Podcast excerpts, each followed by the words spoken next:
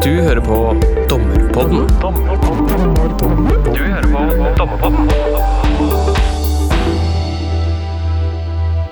Velkommen til denne episoden av Dommerpodden. Mitt navn er Runa Nordahl Hereid. Jeg er dommerfullmektig i Oslo tingrett. Og jeg sitter her sammen med Ragnar Lindefjell, som har enda et halvt år igjen som lagdommer før han igjen skal tilbake til oss i Oslo tingrett. Men eh, Ragnar, hvorfor er vi to egentlig her sammen nå? Jo, eh, Runa, det har eh, sammenheng med at denne gangen så har vi faktisk ikke laget noen episode selv. Eh, Vi har hatt litt flaks og fått ikke bare én, men tre episoder deisen ned i fanget. Det, det har seg sånn at Politihøgskolen har laget tre podkaster som alle tre omhandler endringene i straffeprosessloven som trer i kraft nå 1. juli. Og um, de tok kontakt med oss, for de hadde laget disse tre episodene primært til bruk for eh, politi- og påtaleadvokater, eh, for å gi dem litt kjennskap og forståelse for lovendringene. Og da særlig knyttet til saksoppdelelse og gjennomføring av eh, hovedforhandling. Og denne podkasten som vi nå skal høre, den inngår i et prosjekt som de har kalt Straffeprosesslov 2022, og er laget da i regi av Politidirektoratet. Politidirektoratet. De som Ja, det, det er det. Eh, De som eh, De presenterer seg selv etter hvert. Men de som er med på dette eh, Ordstyrer er Hans Wang, han er politiadvokat. Og så har han med seg de samme gjestene i hver av disse tre episodene. Det er Eirik Lerheim, som er tingrettsdommer i Trøndelag. Unni Sandøy, som er førstestatsadvokat. Og allestedsnærværende Jon Christian Elden, ikke ukjent advokat. Venn, god venn av Dommerpodden. Absolutt. Som så mange andre. Um, så da um, Politihøgskolen tok eh, kontakt med oss om dette via, via DEA, så fant vi ut at her hadde jo sammenfallende interesser. De eh, hadde laget noen gode episoder som de trengte distribusjon av, og Dommerpodden har jo en plattform for å gjøre akkurat det. Så når i tillegg temaet selvfølgelig er høyaktuelt for, eh, for oss dommere, og da vi hørte på episoden og hørte at dette her var jo ordentlig bra greier, så var resultatet gitt. Så da publiserer vi rett og slett eh, som en sommergave til lytterne eh, disse tre episodene separat. separat. Jeg har jo skjønt at det handler mye om aktiv saksstyring, men eh, denne første delen, eller første episode, hva, hva er det den egentlig handler om? Ja, den handler om eh, nettopp det. Eh, Den handler om eh, kontakten eh, mellom retten, påtalemyndigheten, forsvarersiden og eventuelt bistandsadvokat eh, i saksoppdelelsen, og hvordan den nå endres fra den noe mer passive saksoppdelelsen som vi, som vi har i dag, til en mer aktiv saksstyring. Hvor formålet da er å legge til rette for en mer komprimert og mer rettssikker eh, gjennomføring av eh, hovedforhandlingen. Veldig spennende, og den skal dere få høre nå.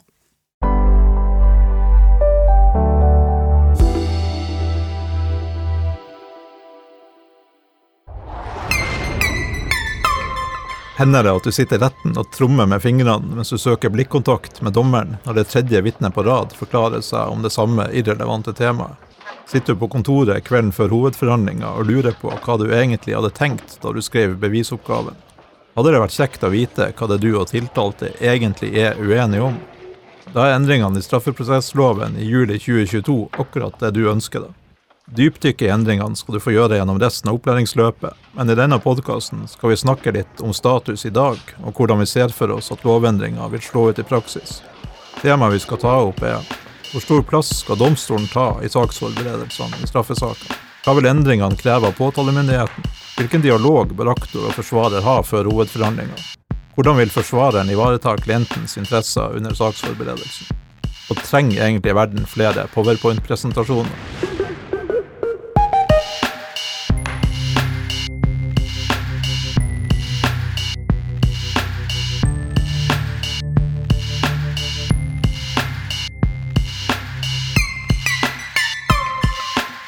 Jeg som snakker nå og forsøksvis skal styre ordet mellom gjester som liker å snakke, jeg heter Hans Wang og er politiadvokat og fag- og opplæringsansvarlig for påtale i Trøndelag politidistrikt.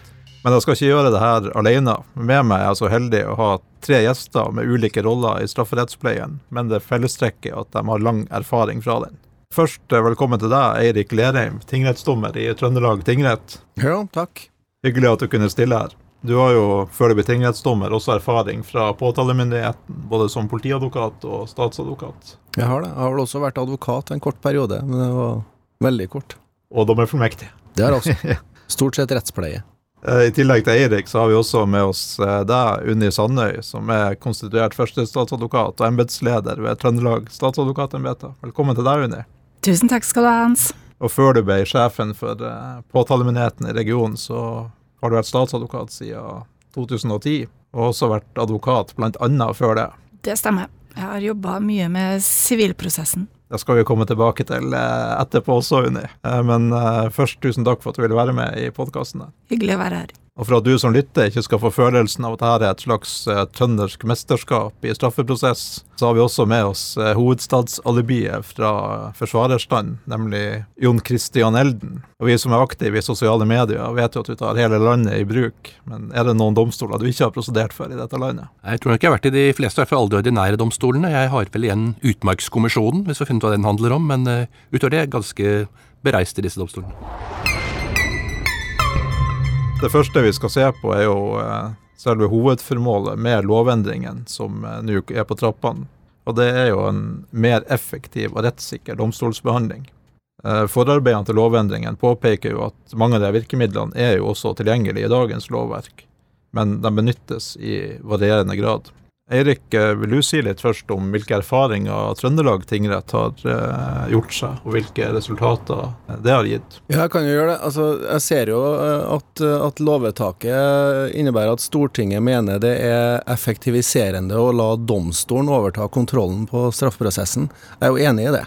Tidligere så har domstolen hoppa inn i, i straffesaken idet retten settes under hovedforhandlinga. Og så prøver man å forskyve tyngdepunktet da, for rettens involvering til litt nærmere eh, påtalevedtaket, altså tiltalebeslutninga. Sånn at du har en eh, tidsstyring og, og ressursstyring av, av, straffesaken inn mot hovedforhandlinga. Vi har drevet med det i Trøndelag i, i flere år, med det vi mener sjøl er godt hell. Det ene er at det er målbart ut ifra at sakene blir gjennomført uh, fortere, mer effektivt. Det andre er at vi føler vel også at både advokatene og påtalemyndigheten er tilfreds med å uh, kunne ha dialog uh, før de møtes i hovedforhandlinga. Gamle Sør-Trøndelag tingrett var faktisk eneste domstolen i landet som økte produksjonen under pandemien. Hvordan fikk dere det til? Nei, Det var jo bl.a. ved å la dommerne involvere aktørene på et tidligere tidspunkt. Gå i dialog med forsvarer og aktor om hva er nå egentlig vi er uenige om her, altså hva er det som er bevistema, og kan vi gjennomføre hovedforhandlinger uten at vi nødvendigvis er nødt til å møtes fysisk alle, alle sammen.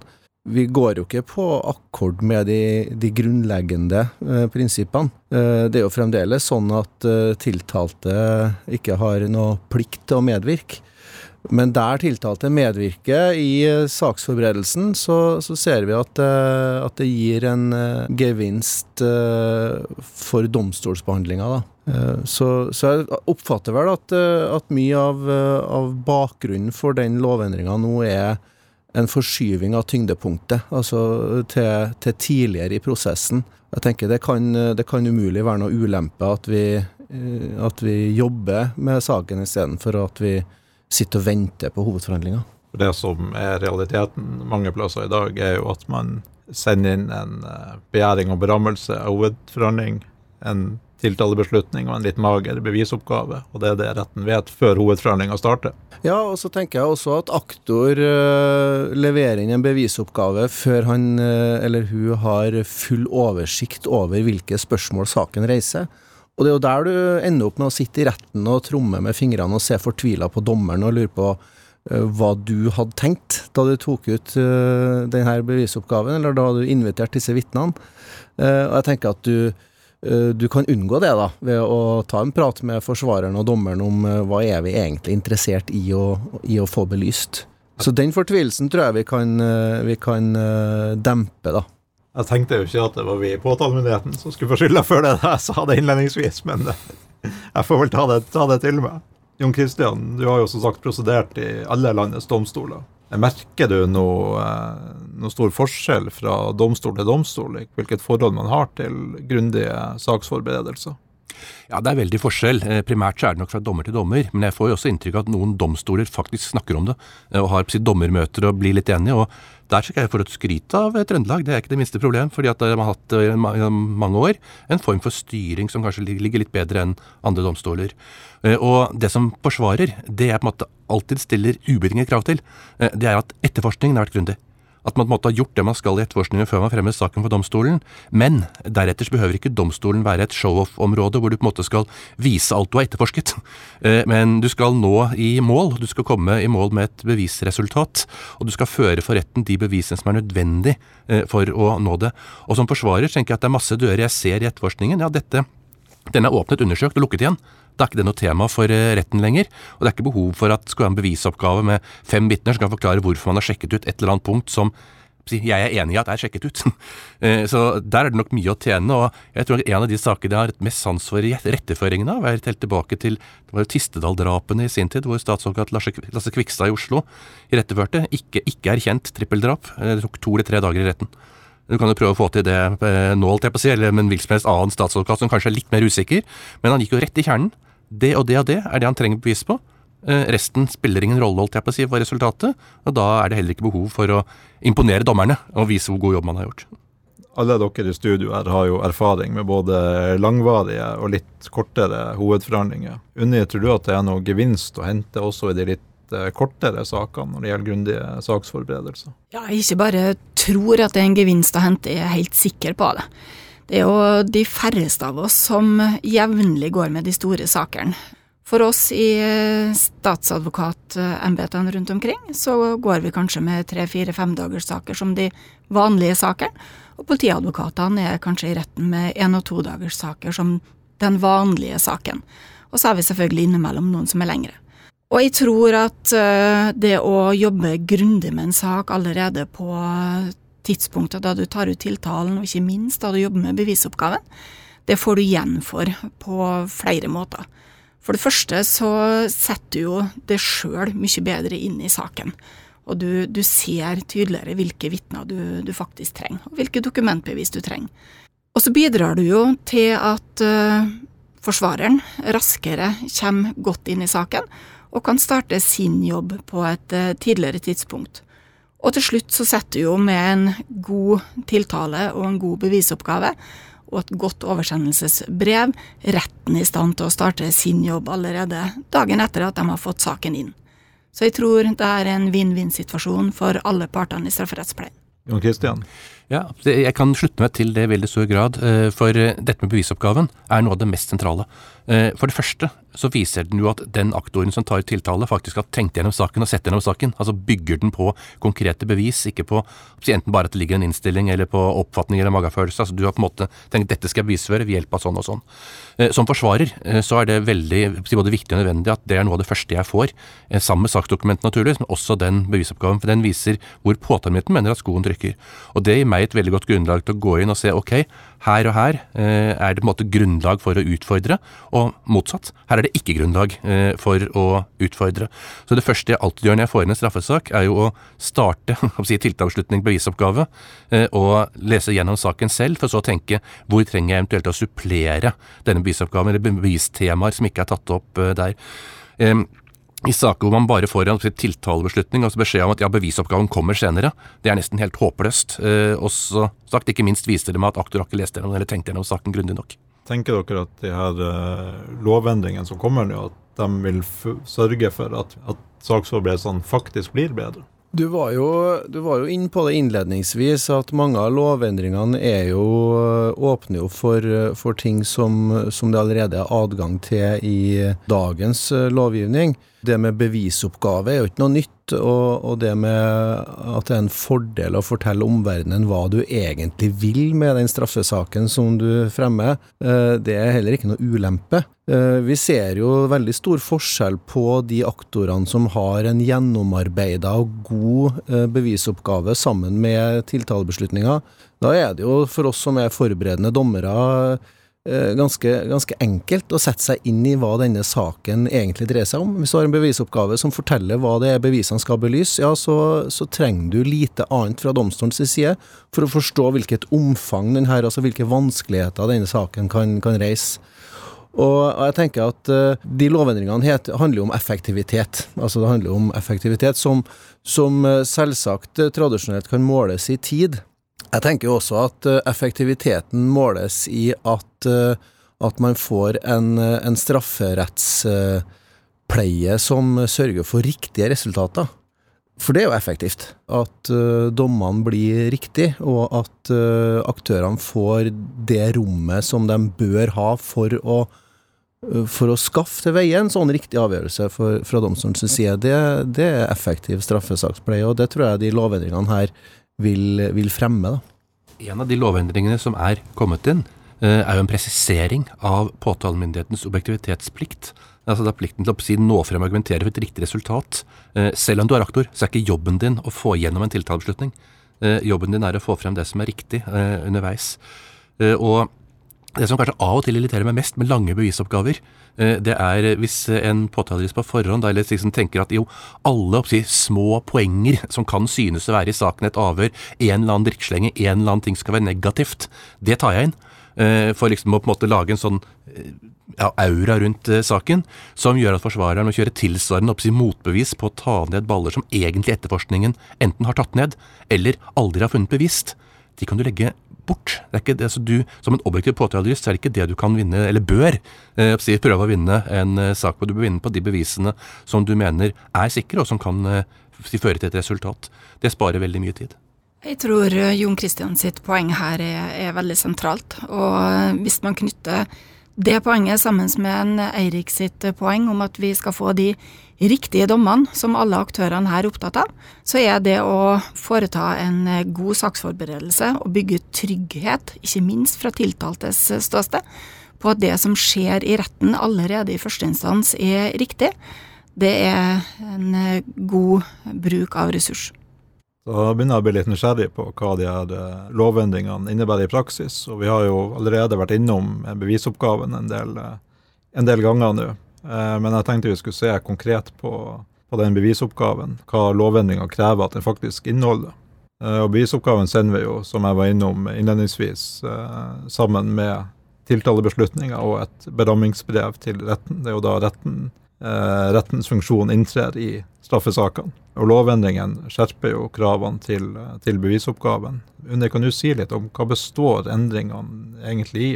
Jeg syns det er viktig å starte litt med det du sa innledningsvis her, Hans, nemlig at tiltalebeslutninga og bevisoppgaven eh, setter jo rammene for saken. Både rettslig og praktisk, sett fra påtalemyndigheten sitt ståsted, og hvor vi da først og fremst skal ha den objektiviteten eh, med oss. Vi har jo allerede i dag en eh, tiltale og en bevisoppgave, eh, sånn at det er ikke noen nye dokumenter som skal utarbeides, men det stilles større krav til hva bevisoppgaven skal inneholde. Helt konkret så sier loven i dag at den i tillegg til angivelsen av selve beviset, altså enten vitnebeviset eller dokumentbeviset, skal angi hvilket bevistema under skyld- og straffespørsmålet som beviset skal belyse. I tillegg så skal det ut fra forarbeidene oppgis hvilke tiltalepost beviset skal ha betydning i forhold til, og man skal oppgi andre opplysninger som kan ha betydning inn i forberedelsen. For å eksemplifisere det litt, uh, i dag eksempel så vil vi kanskje skrive en bevisoppgave i en narkotikasak at vi skal føre politioverbetjent Hans Hansen som vitne, på dag to klokka 09.00. Så stopper enkelte bevisoppgaver der. Fremover i tid, fra juli av, så skal vi i tillegg f.eks. skrive at han skal redegjøre for den ransakinga som ble gjort av tiltaltes bil 1.1.2022 klokka 14.38, og hvilke funn den ransakinga førte til. Det optimale er jo da hvis man i tillegg foretar en dukkhenvisning til beslagsrapporten og f.eks. illustrasjonsmappa som er relatert til den ransakinga. Da har vi gjort det loven ber oss om på det punktet. Men i tillegg så skal vi som sagt eh, knytte det opp mot tiltalepostene, selvfølgelig begrensa til de sakene hvor det er mange tiltaleposter. Og der har jeg lyst til å invitere til at man skal gå lenger enn det loven krever. Ikke bare henvise til tiltaleposten, men faktisk bygge opp bevisoppgaven, eh, sånn at man har en inndeling etter tiltalepostene, ikke minst på dokumentbevisene. Og da vil man kunne flytte over den samme inndelinga inn i dokumentutdraget, sånn at man får to dokumenter som er lett å kjenne seg igjen i både for domstolen og ikke minst for forsvareren, som skal sette seg raskt inn i saken når han får uh, saken. Og så til slutt så sier han jo at vi skal komme med andre sentrale opplysninger om beviset, og da er vi litt mer over på det praktiske. Eh, det lovgiver tenker på da, er at vi skal komme med opplysninger som retten trenger, f.eks. For, for å vurdere forklaringsplikten, om det er vitner som skal avlegge forsikring, om vi har å gjøre med vitner som er underlagt taushetsplikt, sånn at det skal avklares i saksforberedelsen, om det skal være fysisk oppmøte, fjernavhør, og om vitnene f.eks. trenger tolk eller noen annen form for tilretning. I kvalitetsrundskrivet fra 2018 så instruerer jo Riksadvokaten påtalemyndigheten om å legge til rette for at eh, dommerne kan utføre en aktiv eh, saksstyring for å oppnå effektiv avvikling av saken, bl.a. gjennom en mer utfyllende bevisoppgave enn det loven krever. Erik, har du noe inntrykk av om dette rent faktisk har gitt mer informative bevisoppgaver frem til i dag? Det er varierende. Så jeg har jo eh, store forventninger knytta til det som Unni beskriver om fremtidas eh, bevisoversikt.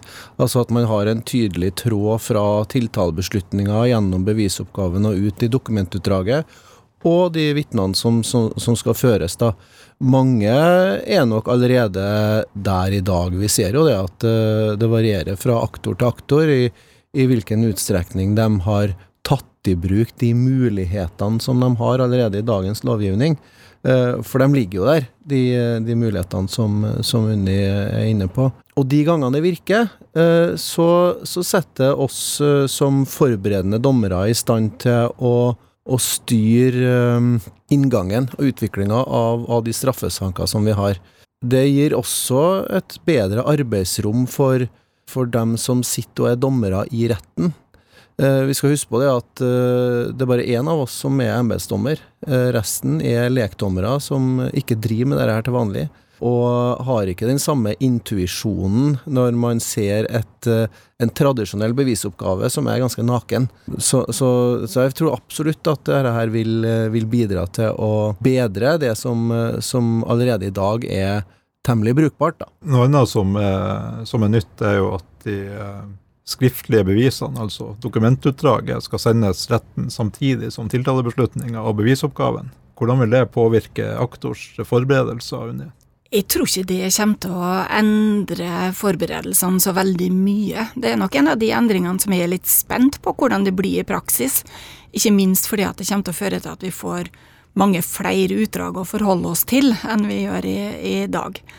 Men eh, det er klart at allerede det å sette dokumentbevisene inn i et system, få det opp på en PDF-fil som har bokmerker, gjør nok at du lettere ser om du dobbeltbehandler ting, f.eks så tror jeg kanskje den største gevinsten er at det blir enklere for uh, forsvarer og bistandsadvokatene, ikke minst forsvarerne, å gå gjennom saken på tidlig tidspunkt, sånn at de får klienten på banen tidlig og avklare hva man er enig og uenig om. Der er nok den største gevinsten. Det er jo den måten vi har jobbet på i Høyesterett i alle år. At man får dokumentene til såkalt sirkling, eh, og så plukker vi ut Det første vi gjør, er å plukke ut de dokumentbevis som da skal føres for retten. Og så blir det laget et utdrag på dem, og det sendes inn til retten på forhånd, og det sitter de med hele tiden. Så det er egentlig flyttet det samme prinsippet ned til, til underretten også. Og jeg tror det er ganske nyttig, for da får du også fokus på dette er på en måte de bevismidlene som vil bli brukt for retten. Eh, det som er viktig, da, eh, det er å passe på at slike utdrag bare består av dokumenter som det faktisk er rettslig adgang til å dokumentere. Så påpeker jo forarbeidene også at eh, det at påtalemyndigheten allerede på påtalestadiet må gjøre en grundigere jobb med å gjennomgå og sammenstille aktuelle dokumenter, også gjør at man sparer tid og arbeid. Altså man slipper å forberede seg to ganger. Ja, det tenker jeg. Altså Den grundige jobben man gjør innledningsvis, den får man igjen for seinere. Det er helt åpenbart. Både fra vår side og jeg tror fra de øvrige aktørenes side. Så er det klart at det å forberede seg tidlig, det, det gjør at man er nødt til å følge med gjennom saken. og huske på nye problemstillinger som dukker opp, og som gjør at man må supplere utdraget. Så der er det viktig at man òg eh, er kontinuerlig i en prosess, sånn at ikke det kommer siste kvelden. Jeg må ærlig innrømme at det har hendt at jeg har eh, bare kasta sammen en bevisoppgave fordi at jeg må sende den sammen med tiltalebeslutninga, og så sitter jeg og forbereder meg to dager før, kvelden før, og skjønner ikke helt eh, hvorfor har jeg med det dokumentbeviset, og hvorfor har jeg ikke med de tre dokumentbevisene her. Så det kan kanskje bidra til rett og slett litt bedre arbeidsmetodikk for, for påtalejuristene man tvinges til det. Jeg tror vi alle kjenner oss igjen i den beskrivelsen der hans. Vi trenger litt tvang. Vi gjør det. Å legge den der så, hensyn til kontradiksjonen, eh, så er det veldig lite tilfredsstillende eh, når aktor kommer med en sånn tilleggsbevisoppgave dagen før hovedforhandling med bevis som allerede ligger i saken. Mm. Fordi at Da vil jeg som forsvarer tenke ok, dette har aktor sett, han har vurdert det. Han har på en måte funnet at dette ikke er et tema. Da bør ikke jeg bekymre meg for det. Jeg behøver ikke kalle inn ett til to ekstra vitner for å på en måte gå mot det beviset i saksdokumentene, fordi at det kommer ikke til å bli ført til retten. Eh, så det er jo en risiko for utsettelse, naturligvis, men iallfall også for å skape irriterte forsvarere. Og det bør man jo prøve å unngå. I tillegg til, eh, til de skjerpa kravene til bevisoppgaven, så er det også øvrige krav til eh, påtalemyndigheten sin oversendelse av saken til, til retten. Unni, kan du si litt om hva mer retten må få informasjon om fra aktor når saken oversendes? Som jeg sa i sted, så danner jo tiltalen og bevisoppgaven den rettslige og faktiske rammene for hovedforhandlinger eller ankeforhandlinger hvis vi er i ankedomstolen. Men i tillegg så er det jo en del praktiske gjøremål som skal gjøres innledningsvis i planlegging av en sak, og der er det påtalemyndigheten som sitter med mest kunnskap på det tidspunktet her. Da er det viktig at vi bidrar med å overføre den kunnskapen til domstolen, sånn at de får gjøre en god jobb. Det første vi må gjøre, er selvfølgelig å opplyse om eh, hvem som er forsvarer og bistandsadvokat i saken. Eventuelt hvis det ikke er noen som har vært inne på det tidspunktet, opplyse om tiltalte eller fornærmede har kommet med noe ønsker. Og hvis det ikke er verken ønsker eller noen inne, så er det riktig å si det òg. Og så må vi selvfølgelig opplyse om det er behov for fagkyndige meddommere, eller oppnevning av sakkyndige. Og det har vi jo i en god rekke saker. Og der tenker jeg jo at vi skal gå lenger enn det loven krever. Jeg tenker at vi allerede på det tidspunktet her bør si noe om de sakkyndige skal være til stede under hele hoved- ankeforhandlinga, eller om det er tilstrekkelig at de er til stede f.eks. under tiltaltes forklaring og når de sjøl skal fremlegge sin rapport. Tolk har vi så vidt vært innom i forhold til vitner, men det kan jo hende at tiltalte trenger tolk. Da må vi selvfølgelig opplyse om det, og ikke bare det, men hvilket språk en skal tolke på. Og gjerne foreta en dobbeltkontroll av det, for det har nok hendt de fleste av oss at vi har sittet med en klar oppfatning av at det var en litauisk tolk som var brukt, f.eks. Og så kommer vi i retten og så tenker vi ja, det var polsk vi skulle ha i den saken her, ja. Og da er det greit at vi har tida til å områ oss litt. Det er litt kjedelig. Det er veldig kjedelig, og det fører til utsettelser, og det er jo i hvert fall ikke effektivt når vi sitter med en full eh, dommer, fullt dommerpanel i tillegg. Hvis jeg får lov til å komme til litt innspill på dette bl.a. forsvarerspørsmålet på dette stadiet her. Eh, det står i påtaleinstruksen eh, at politiet eller påtalemyndigheten skal, før den sender over saken til retten, undersøke med den tiltalte mistenkte siktede om man ønsker en bestemt forsvarer. Og en av grunnene til at det er ganske viktig, er jo at uh, min erfaring er dette kanskje en av de mest, eller en av de største utsettelsesgrunnene eller omberammelsesgrunnene for saker, er at politiet ikke har gjort det.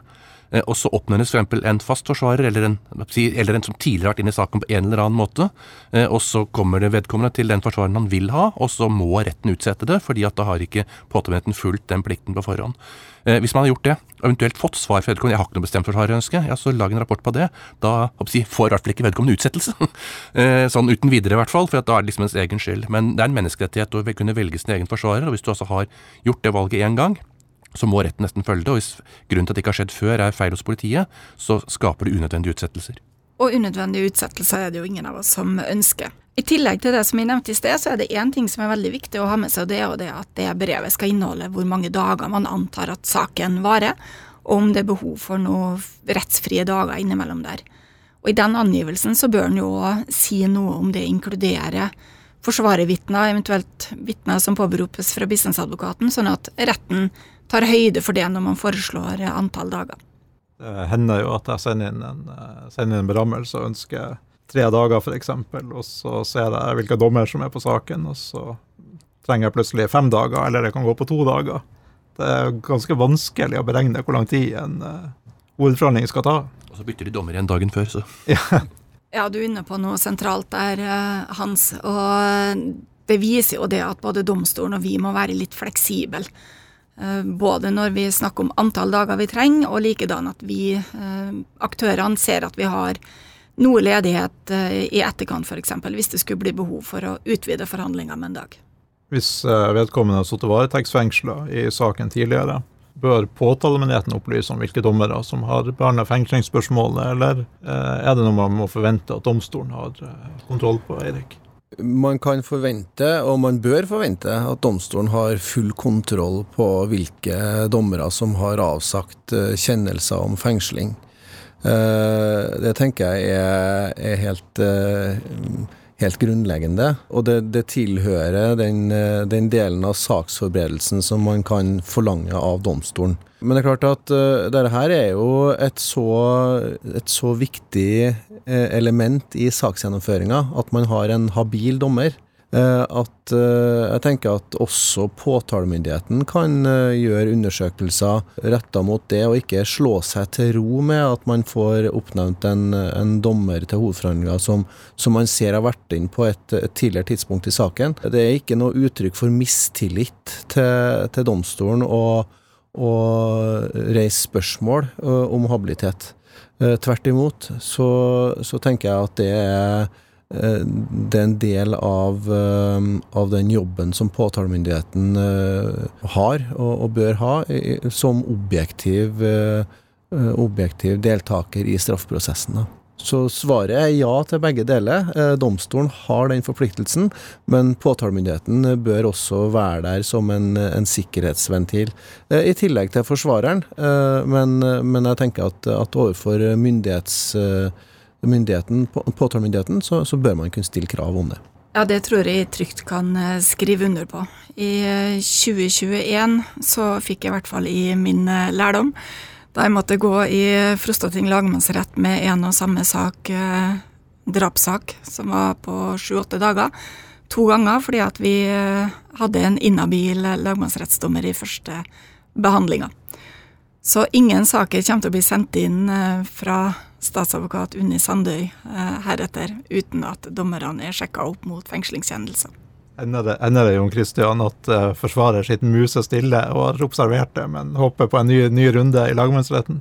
Forsvaret bør ikke gjøre det hvis Forsvaret er klar over opplysningene. Eh, men vi har én til to saker i Høyesterett hvert eneste år som opphøyes pga. at en embetsdommer har vært inhabil av en eller annen grunn, fordi man ikke har undersøkt det godt nok på forhånd. Og Eh, det som iallfall er disiplinerende i tillegg, altså hvis det står i påtegningen fra påtalemyndigheten at den og den har vært eh, dommer i saken i fengsling, eh, så må man også kunne forutsette at forsvareren leser den samme påtegningen. Og da tør jeg nok ikke forsvareren komme etterpå og si at eh, nå er du inhabil, for jeg har ikke sett i tillegg, liksom. Eh, men det er klart at det er lett å overse hvis det ikke tas opp på noen måte. Domstolen har ikke fått det med seg, sier det ikke i sakens innledning, aktoratet har ikke skrevet noe sted. Og øye forsvarer overså dokument 22 1915 22, som var en fengslingstjeneste fra et eller annet tidspunkt en eller annen gang, og som viste seg å være. Og i tillegg så kommer jo også det at den siktede kan jo bytte forsvarer. Eh, og da vil jo en si, forsvarerfeil eh, være like ille som eh, en feil som er begått av andre i prosessen. Og Derfor er det et poeng at hvis man kommer i saken at en dommer sitter og administrerer og vet at vedkommende har hatt en fengsling, men naturligvis ikke mener seg inhabil av den grunn, at det tas opp helt i begynnelsen av forhandlingen. At, og det er jo mye lettere for dommeren å gjøre om man har fått et papir og er klar over det selv. Og si at ja, så jeg bare gjør oppmerksom på at jeg hadde en fengselssak sånn og sånn. Er det noen som har innvending, eller det er tatt opp på forhånd, ingen har hatt innvendinger, men for ordens skyld tar det opp her og nå, sånn at du kan på en måte stå i rettsboken. At den siktede personen har fått opplysningene på forhånd og har akseptert det. Da vil jo en slik innsigelse falle bort, med mindre man åpenbart er inhabil. Men det bør man jo se selv. Hvis vi eh, kan forlate påtalemyndigheten et eh, øyeblikk og se på forsvarers respons på påtalemyndigheten sin oversendelse til retten, eh, det som loven omtaler som tilsvar, Eh, Jon Kristian, kan du si litt om hva det tilsvaret skal eller bør inneholde? Ja. Eh, Per eh, i dag så er det jo ikke noe krav til noe slikt tilsvar, og det skjer i praksis ikke hvis ikke det er veldig spesielle saker, kanskje store økokrimsaker eller lignende, hvor en saksbehandlende dommer har tatt initiativet utenfor lovverket. Eh, Men i den loven vi nå har fått vedtatt, eh, så skal det være en form for hovedregel at det inngis et tilsvar. Litt mer av sivilprosessens eh, regler. Altså Det kommer jo en oppsi, stevning med bilag og påstander, og man skal innen tre uker inngi et eh, tilsvar. Det er på en måte sivilprosessens regler som man prøver å trekke litt over. Det er en kjempefordel for saksforberedelsen, fordi at da får dommeren og påtalemyndigheten på et tidlig stadium vite hvor skoen trykker, hvor forsvarer har tenkt å sette inn støtet, liksom, hva man er mest uenig i osv., og, så og ut fra hva man vet per det tidspunktet. Det er positivt. Men eh, grunnen til at det ikke eh, kan gjennomføres på samme måte som i sivilprosessen, er jo flere, og en av dem er at en siktet behøver ikke forklare seg. Eh, og du skal ikke motbevise noen ting. Det vil si at Den siktede kan lene seg tilbake og si at nei, jeg vil ikke si noe på forhånd om hva jeg mener. Jeg får se altså, Hva er det påtalemyndigheten fører bevis for? En en siktet versjon behøver ikke synliggjøre kortene sine, sånn som man må i, eh, etter tvistelovens eh, regler. Eh, Og Det er jo et prinsipielt grunnleggende spørsmål som gjør at en tiltalt aldri kan pålegges å komme med tilsvar. Det betyr at det kan være en minusvariant å si at ja, jeg, si, jeg har mottatt dokumentene. Jeg kan svare på den måten og si at ut fra dokumentene så antar jeg at sånn og sånn og sånn ikke er et omtvistet eh, tema. Det vil jeg kunne gjøre som forsvarer ganske trygt. Eh, Men jeg kan ikke gå inn og foregripe klientens forklaring, f.eks. Så det har begrensninger. Men jeg tror at i de fleste tilfeller eh, så vil det være mulig å gi en form for tilsvar. Eh, Det som er viktig, eh, ikke minst for dommerens eh, tilnærming til dette, er å si at det tilsvaret vil aldri kunne være verken endelig eller absolutt. Eh, I den forstand at som forsvarer er det veldig ofte at jeg sitter i retten. Eh, For det første kan det være vitner som forklarer seg noe annerledes enn du tror fra politidokumentene. Saken kan bli annerledes. Det kan dukke opp oppsyn, nye frifinnelsesgrunnlag i løpet av forhandlingen som ikke jeg har visst om på forhånd, ikke tenkt om på forhånd, eller hva den ønsker å være for noe, som jeg selvsagt ikke er forhindret fra å bruke og argumentere for, sånn som jeg ville vært etter tvisteloven. Da er det på en måte argumenter du ikke har fremført innen sånn og sånn frist, de er prekludert, de kan du ikke bruke. Sånn vil det aldri være en straffesak. Eh, Men det å innføre tilsvarsregelen vil nå for de fleste saker løse veldig mye, og punkter man er enige om at man ikke behøver for å innkalle vitner på.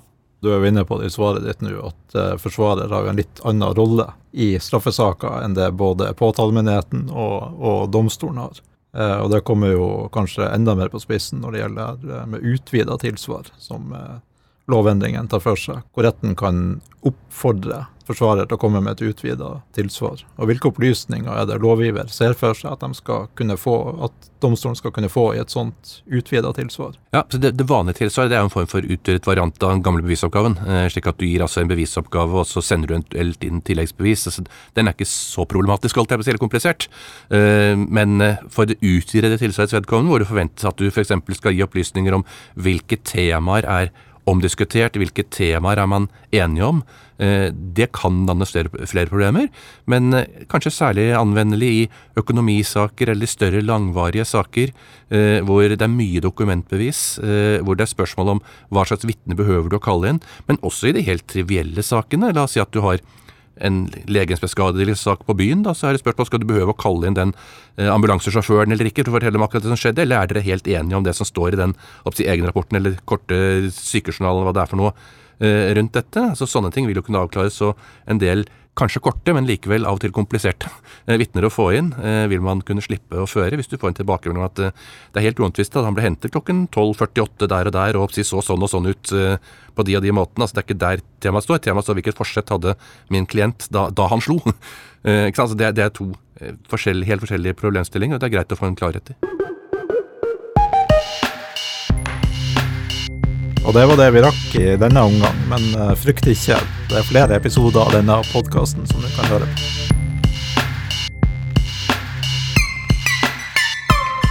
Du trenger jo å bestille taxi, jeg kjører deg nedover til byen. jeg. Kjører, Ja, jeg skal kjører omtrent byen, på, så du trenger ikke å bestille taxi. Nei.